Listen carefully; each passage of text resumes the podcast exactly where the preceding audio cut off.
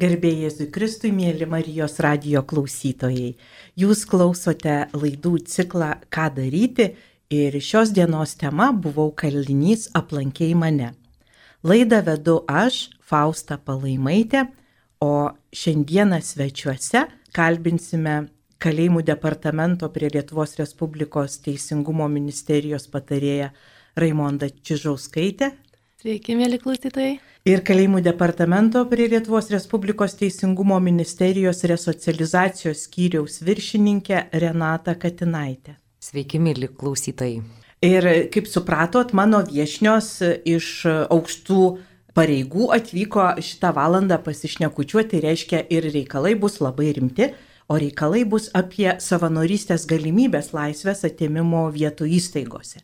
E, jau nekartą suvedus laidas su pačiais savanoriais, O šiandieną norėčiau plačiau pakalbėti, pristatyti, vad kokios yra tos galimybės, kokia yra svarba, kad žmonės iš visuomenės galėtų ateiti į pataisos namus, į tardymo izolatorius ir ten e, susitikti su mūsų broliais, seserimis, kuriems šiuo metu yra apribota laisvė daugeliui atrodo labai sudėtingas uždavinys ateiti ir, ir gazdina tos sienos ir neiškumas ir visokių yra ypatingai žiniasklaidos pasisakymų apie tuos žmonės nusikaltusius, nes dažnai mums pristato tik tai nusikaltimus ir nusikaltimus labai detaliai, tačiau nepristato to žmogaus vaikystės, to žmogaus istorijos, kitų aplinkybių ir regis, kad pataisos įstaigose yra prievartautojai, žmogžudžiai, plėšikai, visiškai beširdžiai, nieko su jais ten nereikia daryti, uždaryti ir tegu būna. Ir šitokia nuomonė, ką jinai daro, jinai keit kenkia pačiai visuomeniai, nes vėlgi tie žmonės, norėdami kitaip gyventi, išėję į laisvę, vad susitikę tokią nuomonę, negavę pirmą, antrą, trečią kartą darbo, iš tikrųjų atsiduria tokioje beviltiškoje situacijoje ir grįžta į tą elgesį, už kurį yra įkalinimo įstaigose. Ir vad vienas iš tokių žingsnių, kaip mes galim keisti visą visuomenę, tai keisti tą požiūrį į nuteistą žmogų ir ištiesti savo pagalbos ranką jam. Tai šiandieną aš pasikviečiau viešnes norėdama pakalbinti, kaip, kadangi jos dirba kalėjimų departamente, yra atsakingos už įstatymų ruošimą, parengimą, už visą procesą, kuris vyksta pataisos namuose, norėjau paklausti Raimondos galbūt, o kokia pačios yra va, ta savanorystės patirtis ir požiūris, kodėl yra svarbu savanoriai laisvės atėmimų vietų įstaigose. Ačiū labai už klausimą, ačiū labai už laidą ir už šitą temą, kuri yra tikrai be galo svarbi. Taip, jau dabar pusantrų metų beveik dirbu kalėjimų departamente kaip direktoriaus patarėja, bet prieš tai septynis metus dirbau Vilnius arkiviskupijos karite kaip nuteistųjų konsultavimo centro vadovė ir iš tiesų pati betarpiškai dirbau su pačiais nuteistaisiais ir taip pat dirbau ir su savanoriais. Ieškojau savanorių ir organizavau jų darbą, būtent pataisos namuose. Savanorių veikla buvo nuo drabužių vežiojimo į pataisos namus iki profesionalios pagalbos organizavimo, tai yra psichologų, teisinės pagalbos, sielovadinių, sielovadinių veiklų, užsienio kalbų mokymo, Taip pat organizavom įvairias krepšinio varžybas, koncertus, renginius, viktorinas, būtent pasi, pasitelkę savanorius. Ir žinot, turiu pasakyti, kad matydama iš arti tą savanorių, savanorių darbą, mačiau labai didelę prasme. Ir prasme ir naudą, netgi sakyčiau, keturioms pusėms. Jeigu taip įvardėjant, tai visų pirma, tai labai didelė nauda yra patiems nuteistiesiems. Truputį praplėsiu apie tai galbūt pokalbio eigoje. Po to didelė nauda patiems savanoriams. Aišku, pataisos įstaiga nuo to labai stipriai praturtėja ir mūsų visa visuomenė. Tai, jo, bet tai jeigu truputį tęsiant apie tą pačią mano matytą naudą patiems savanoriams, pirmiausia, ne savanoriams, o nuteistiesiems, ką jiems reiškia tas tie savanoriai, savanorystė, tai, žinot, taip galbūt poetiškai skambėtų, bet tai man, man tai atrodo, kad tai lik kažkokio gaivaus oro gūsis, būtent įkyrioj ir nuobodžioj toj nuteistųjų kasdienybei. Tie savanoriai yra tokie vilties nešėjai. Nes iš jų nuteistieji gali mokytis labai daug naujų dalykų pozityvių, Jie turi galimybę prasmingai praleisti laiką, jie turi laiko ir galimybės. Noriu pasakyti, kad savanoriai yra tie žmonės, kurie klauso nuteistojo ko mums labai stinga įstaigose, mums labai stinga darbuotojų ir žmonių, kurie girdėtų, ką sako tie nuteistieji. Tai, tai būtent tas nuoširdus savanorių bendravimas ir laiko skirimas yra labai labai svarbus nuteistiesiems.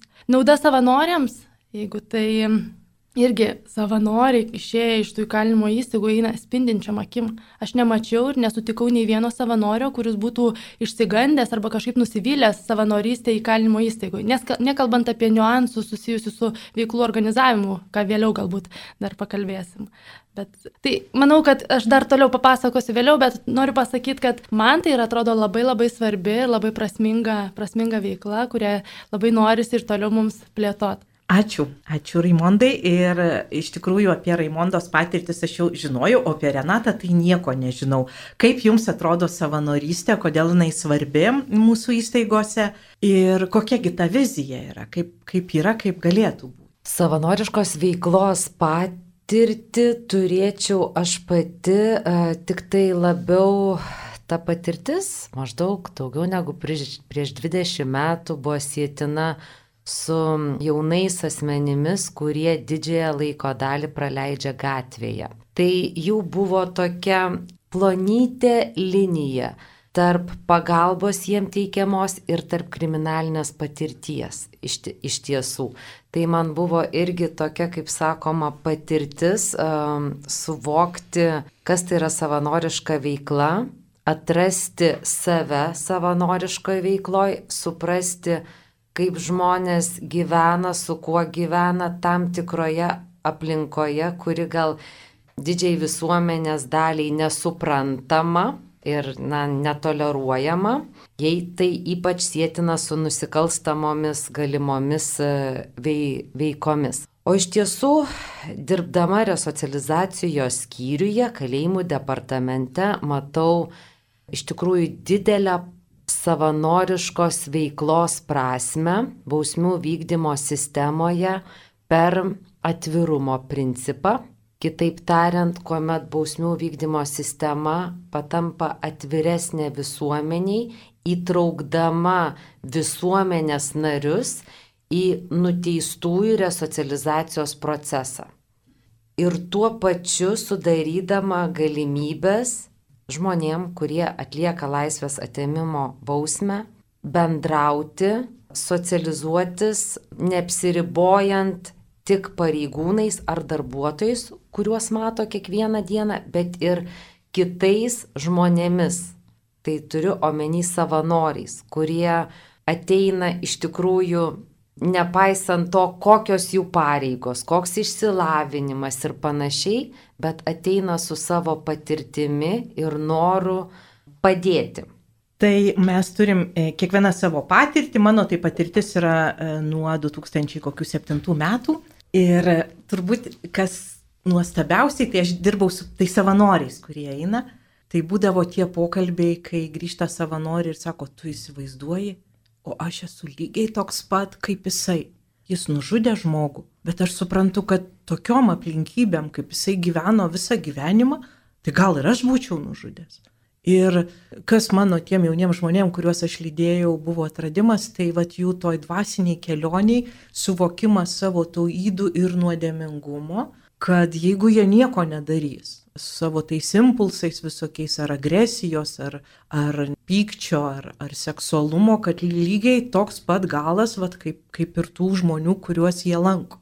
Ir, žodžiu, man toks turbūt gražiausias yra vienas jaunuolis, 21 metų, tokio labai gražaus gyvenimo viso, buvo lankėsi pas iki gyvos galvos nu, nuteistuosius ir sako, aš stoviu duše, maudausi ir sakau, Dieve, bet o tai tu ir juose esi, nes iki gyvos galvos nuteisti žmonės yra atlikę ne vieną žmogžudystę dažniausiai ir, ir sąmoningai apmastę, sukūrę, tikrai yra jau tokie nusikaltimai, kur šiurpus gana.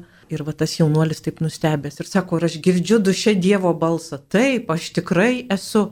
Ir paskui jisai pasakoja, kad aš nuėjęs žiūriu į tuos žmonės ir matau Jėzų juose. Tai čia iš tokių truputį romantiškų patirčių įvairoviai, ką galite atrasti pataisos namuose. Aišku, nebūtinai eiti iki gyvos galvos nuteistuosius, nors iš tiesų jiems labiausiai reikalingas pagalba, palaikymas, bendravimas, nes žinot perspektyvą, kad tu visą gyvenimą gyvensi įkalinimo įstaigoje ir tenai ir mirsi, tai nu, nėra labai tokia įkvepianti tą gyvenimą tęsti ir kažkaip tai judėti tolin.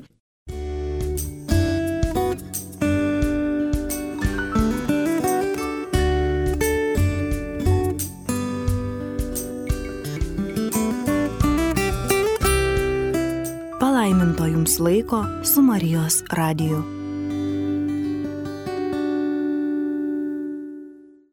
Jau kaip girdite, mėly ir Marijos radijo klausytoja, kad laida yra apie nuteistuosius, tema buvau kalinys aplankiai mane, laidų ciklas Ką daryti, o mano pašnekovės yra kalėjimų departamento direktoriaus patarėja Raimonda Čižauskaitė ir kalėjimų departamento resocializacijos skyriaus viršininkė Renata Katinaitė. Tai noriu prieiti prie kito klausimo, kokie sunkumai, kokios situacijos yra pataisos įstaigose, vat, kai žmonės jau susirošia ateiti, su kuo jie susiduria ir kaip šitie dalykai išspręsti, sprendžiami. Vienas iš tokių, kas atsitiko pastaruoju metu, tai buvo patvirtintas savanorystės aprašas, kuris gerokai palengvino visas tvarkas ir vat, noriu jūsų paklausti, kaip jūs matot tą situaciją ir kaip jinai numatoma, kad gerėtų. Prieš atsakydama į šį klausimą labai norėčiau vieną mintį išsakyti, pratesiant vat, jūsų mintį. Man labai patinka gerbiamo Vilnius universiteto docento Gintauto Sokalausko pasakyta mintis būtent apie savanorystę, kad savanoriai apsilankę pataisos namuose jau niekada nepalaikys idėjos dėl mirties bausmės. Tai vien dėl to yra labai svarbu, kad kuo didesnė visuomenės dalis lankytųsi tenai, nes ten būtent iš arčiau susipažinęs su tai žmonėmis, būtent griūva visos tos stereotipinės nuostatos ir ta baimė ir pamato, kad čia yra tie patys mūsų šalia gyvenantys žmonės. Tai tiesiog, kad, man atrodo, siejasi su to, ką kalbėjot. O pratesiant apie tas perspektyvas ir tą matymą, tai iš ties šių metų pabaigoje buvo parengtas aprašas savanoriškos veiklos, taip pat ko Fausta nepaminėjo, bet kas yra labai svarbu, kad metų pabaigoje buvo rengiamos strateginės veiklos gairės dešimčiai metų į priekį būtent kalėjimų departamento ir ten taip pat savanorystė išskirta kaip viena iš, iš svarbių temų ir norima būtent, kad nevyriausybinio organizacijų ir savanorių darbas taptų kaip svarbia kalinių socialinės integracijos proceso dalimi. Tai galbūt Renata galėtų padetalizuoti būtent apie tą tvarkos aprašą, kas yra numatyta, numatyta jame konkrečiai, bet esmė matyčio dokumento, kad tai turi tapti nu, sistemiška ir koordinuota, nes mes tikrai nemažai metų, mums nėra nauja savanorystė pataisos įstaigose, bet vis pristikdavo kažkokio koordinuoto, koordinuoto veikimo. Galbūt Renata galėtų tada papildyti apie konkretybės dėl aprašo. Dėkoju, Raimonda. Iš tiesų, kaip sakoma, net ir tuo metu, kol nebuvo patvirtintas savanoriškos veiklos laisvės atėmimo vietų įstaigose tvarkos aprašas, kaip ir buvo paminėta, savanoriška veikla buvo puoselėjama laisvės atėmimo vietų įstaigose. Tačiau matydami, kad šiai sričiai reikia pirmiausia, daugiau dėmesio, didesnio dėmesio koordinuojant tą veiklą ne priebėgomis, bet iš esmės, suprantant, kad savanorio ateimas tai praturtina ir pareigūnų veiklos galimybės, ir nuteistiesiams suteikia didesnių galimybių bei įvairovių per užimtumą, per pagalbos prasme, pagaliau per individualų prie asmens prieimą, nes ko trūksta, manytina labiausiai laisvės atėmimo vietų įstaigose, tai yra individualizuoto dėmesio ir prieimo prie kiekvieno asmens. Tai stokodami specialistų, manytina, na, ir pasitelkdami savanorius, mes labai prasmingai užpildome vat, šią, kaip sakoma, neužpildytą sritį. Kalbant apie aprašą, nesinorėtų dabar iš teisinės pusės, kaip sakoma, pristatyti tuos reglamentuotus, na, reglamentuotas sudėtinės dalis, bet iš esmės labai trumpai apibrėžiant, tai galima paminėti, kad aprašas apibūdina savanori, numato, kas yra trumpalaikė savanorystė, tai yra iki trijų mėnesių besitęsianti ir ilgalaikė savanorystė, kuriai yra galimybės kompensuoti su savanoriška veikla susijusias išlaidas, taip pat kokios yra savanorio teisės,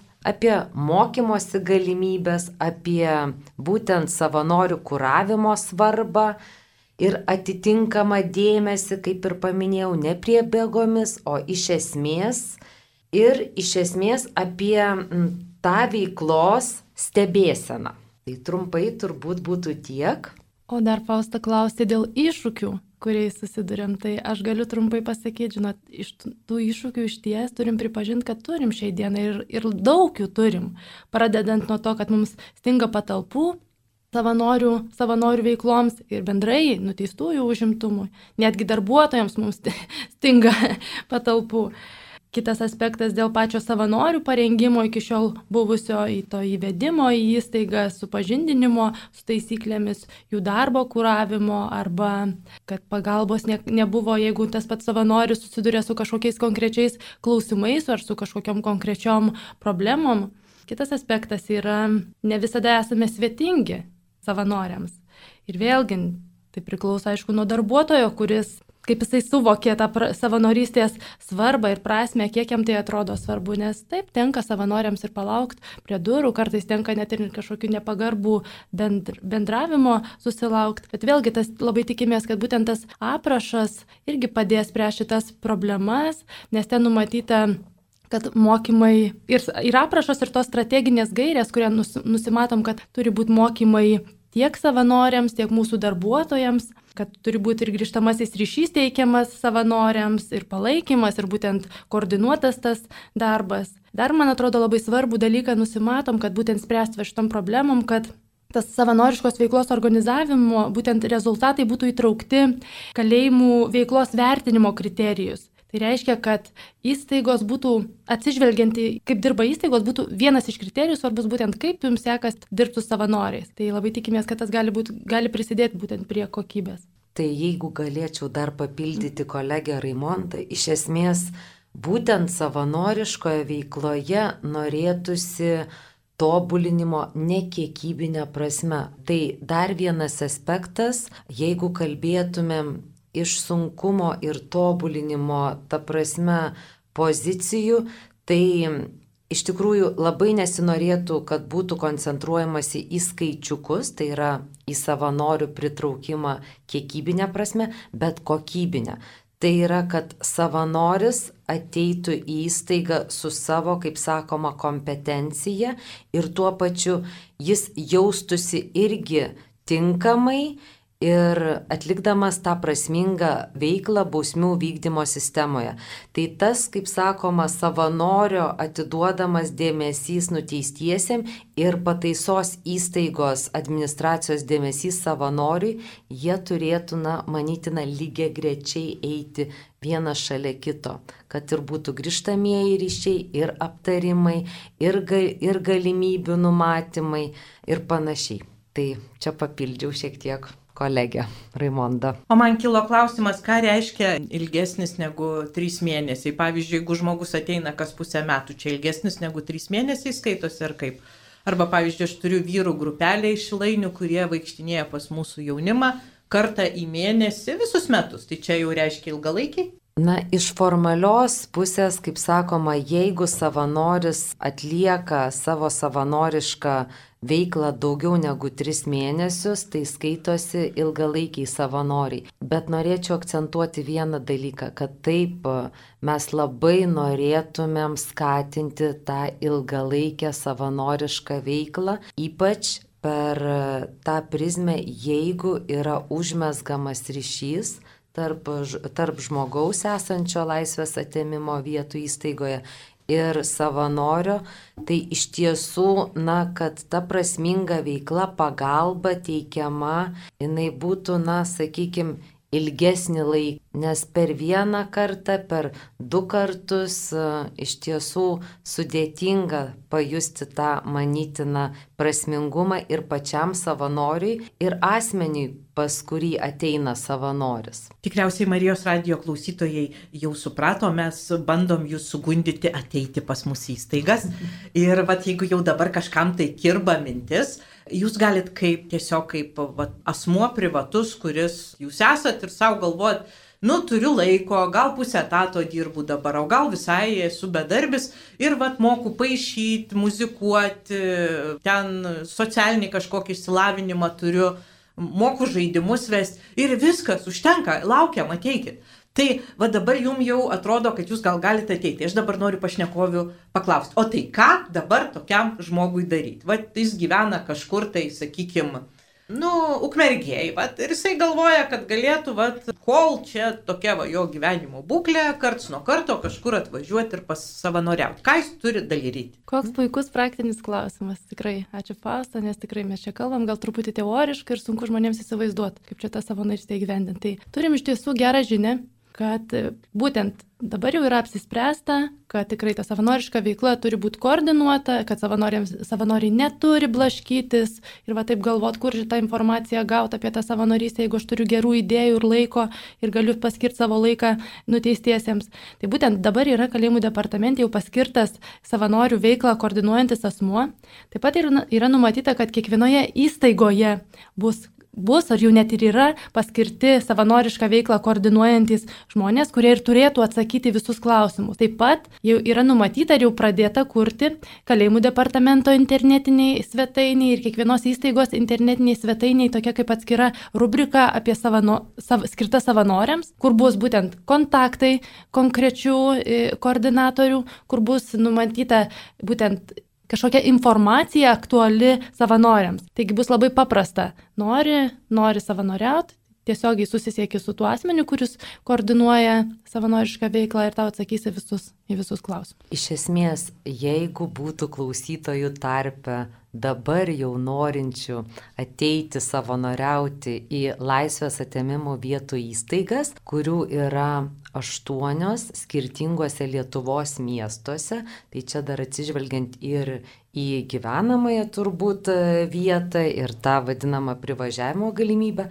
Tai viena tokia galimybė kreiptis į kalėjimų departamento resocializacijos skyrių tiesiogiai ir mes galėtumėm tarpininkauti, nukreipiant asmenį į atitinkamą įstaigą, į kurią jis pageidautų, arba kreiptis tiesiogiai į pataisos įstaigos administraciją, kaip ir kolegė minėjo, ir jau su konkrečiu asmeniu, norinčiu atlikti savanorišką veiklą, būtų susisiekiama ir jau pristatomos konkrečios aplinkybės ar atsakoma į į esamus klausimus.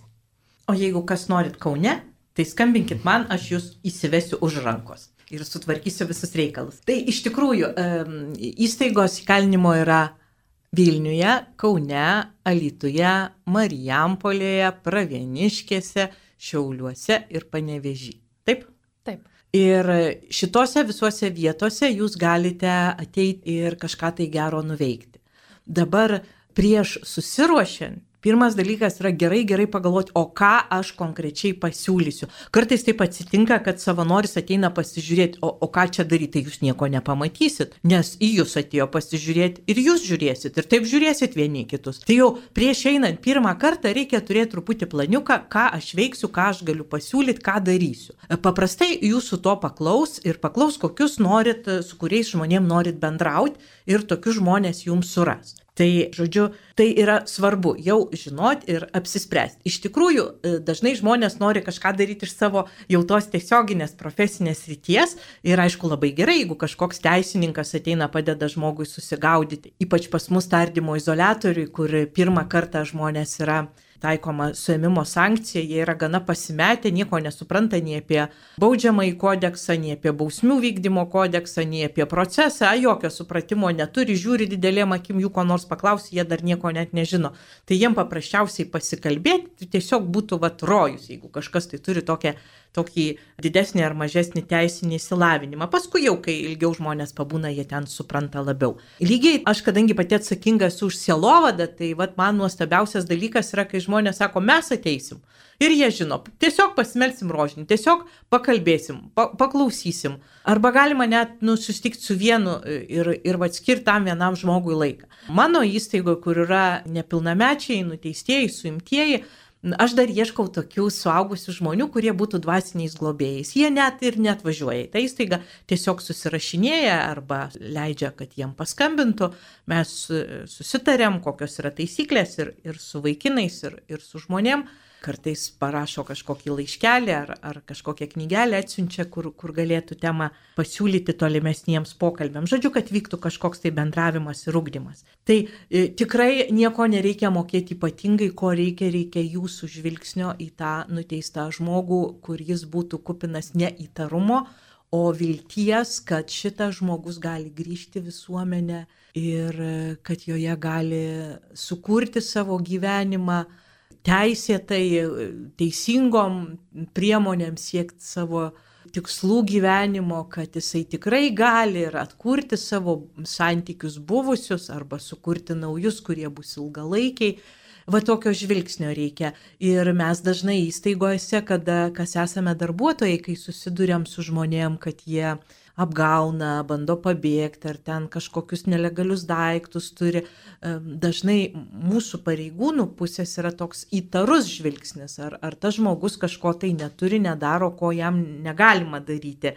Vat ir labai sunku jį yra pakeisti tokį kupiną pasitikėjimo. Mes taip savo įstaigoje sakom, duoti pasitikėjimą ir sudaryti galimybės jį pateisinti. Ir kai pirmą kartą nuvilia, sudaryti ir antrą kartą galimybės. Tuo tarpu savanoriam yra daug lengviau, jie neprisėma atsakomybę su už tą visą procesą nuteistųjų bausmės vykdymo, jie prisėma tik tai už va, tą vieną savo susitikimą ar susitikimo ciklą ir va dėl to jūsų pagalba yra tokia nepamainoma tiesiog. Nes tokių darbuotojų kaip aš, kur tiesioginės pareigos yra sielovada ir nebaust, nevertinti ir neprižiūrėti jų yra nelabai daug. Tai tikrai raginu e, jūs pagalvoti ir galbūt išdrįst ateiti vienam kitam susitikimui. Jūs girdite Marijos radiją.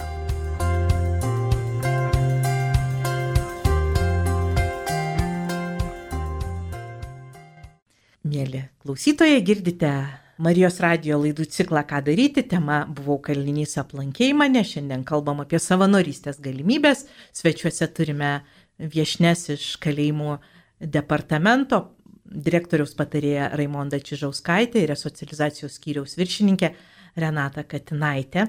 Likite su mumis ir toliau pasmalsaukime, kokių gali savanoris tikėtis priemonių arba vat, kokia yra tvarka tų kelionės išlaidų kompensavimo. Juk taip nebus, kad žmogus atėjo ir sako, man čia reikia 30 eurų už dažus.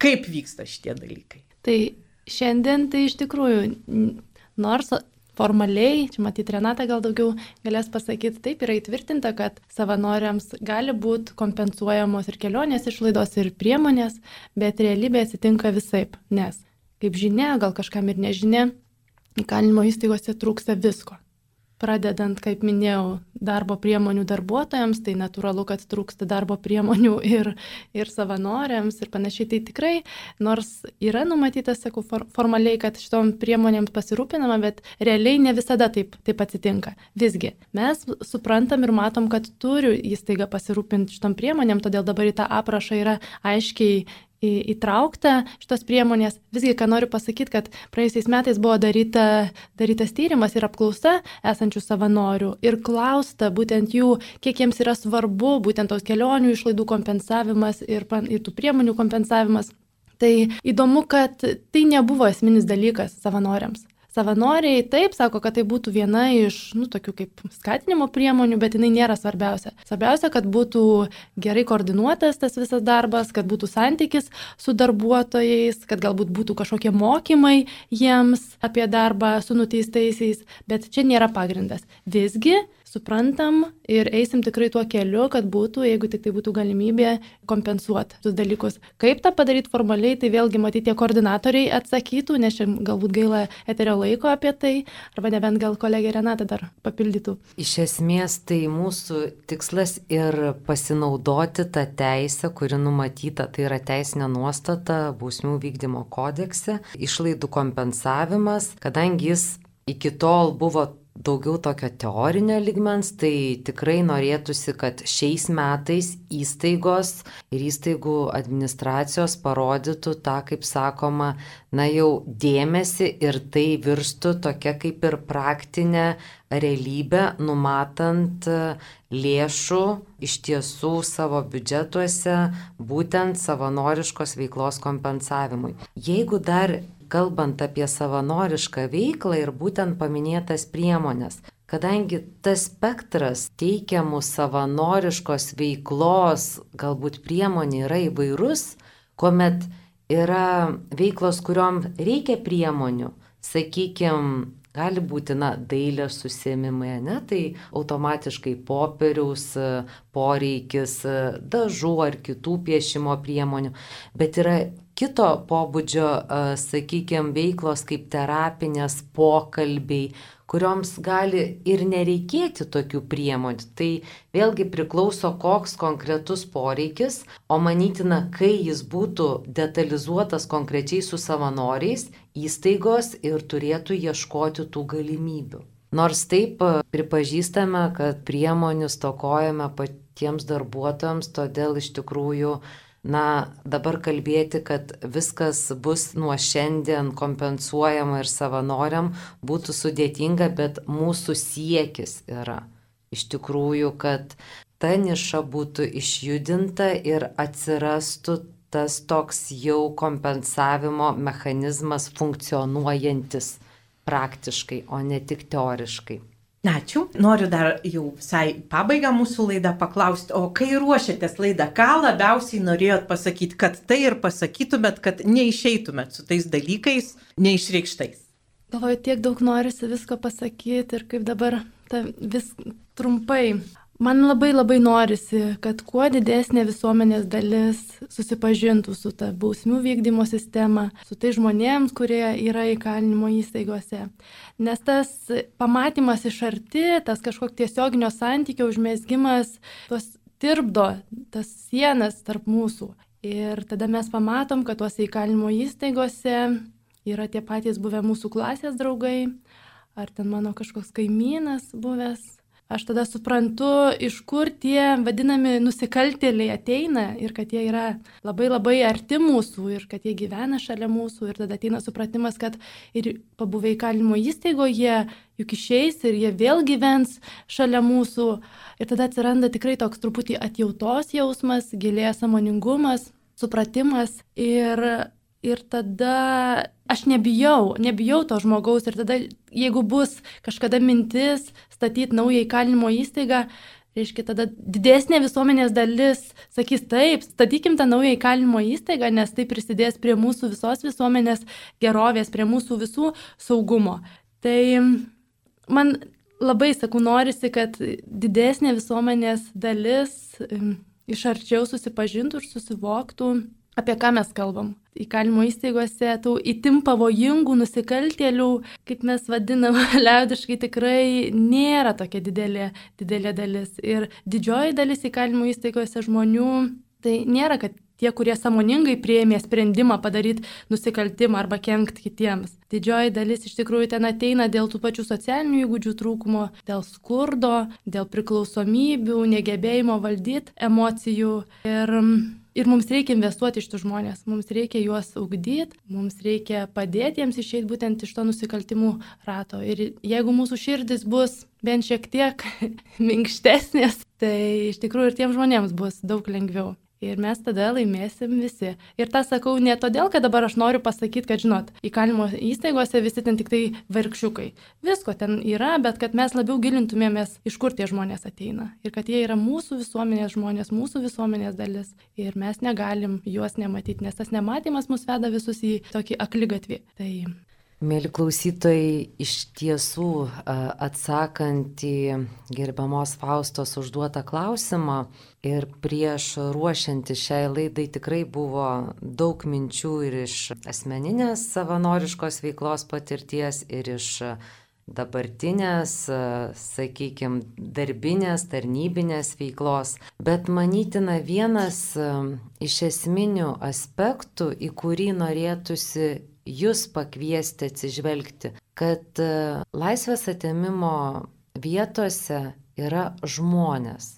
Žmonės su įvairiomis patirtimis. Ir iš tikrųjų na, iš vienos pusės taip uh, suprantama, kad jie yra padarę nusikalstamas veikas ir jau jiems skirta yra didžiausia bausmė, tai yra laisvės atėmimas. Bet iš kitos pusės manytina, kad labai svarbu suteikti tą galimybę jiems ir būti išklausytiems, padėti jiems, kaip sakoma, kelti motivaciją priimti pagalbą padėti jiems e, pradėti labiau pasitikėti savimi, nes dažnai būna ir savivertės labai menki, ta prasme įgūdžiai ir kiti, kaip ir minėjo kolegė Raimonda, socialiniai ar net gyvenimo įgūdžiai nepakankami. Tai iš tiesų ten turime žmonės su įvairiomis patirtimis. Ir kiekvienas žmogus uh, turi vilti, būdamas laisvės atėmimo vietų įstaigoje,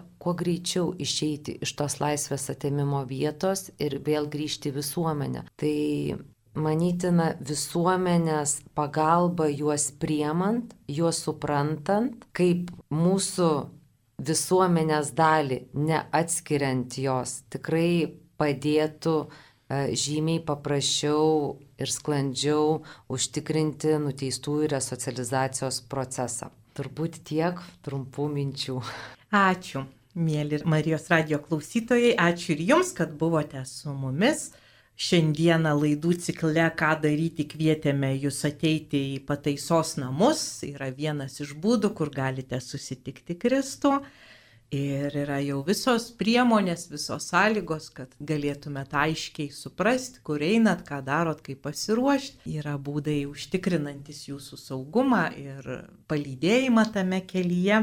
Šiandieną laidą vedžiau aš Fausta Palaimaitė ir kalbinau kalėjimų departamento direktoriaus patarėją Raimondą Čisžauskaitę ir resocializacijos skyriaus viršininkė Renata Katinaitė. Ačiū, kad buvote kartu, ačiū, kad ypatingai kas negalit, kad melžiatės už mūsų nuteistuosius, už visas veiklas ir ačiū, kad ateisite. Sudė.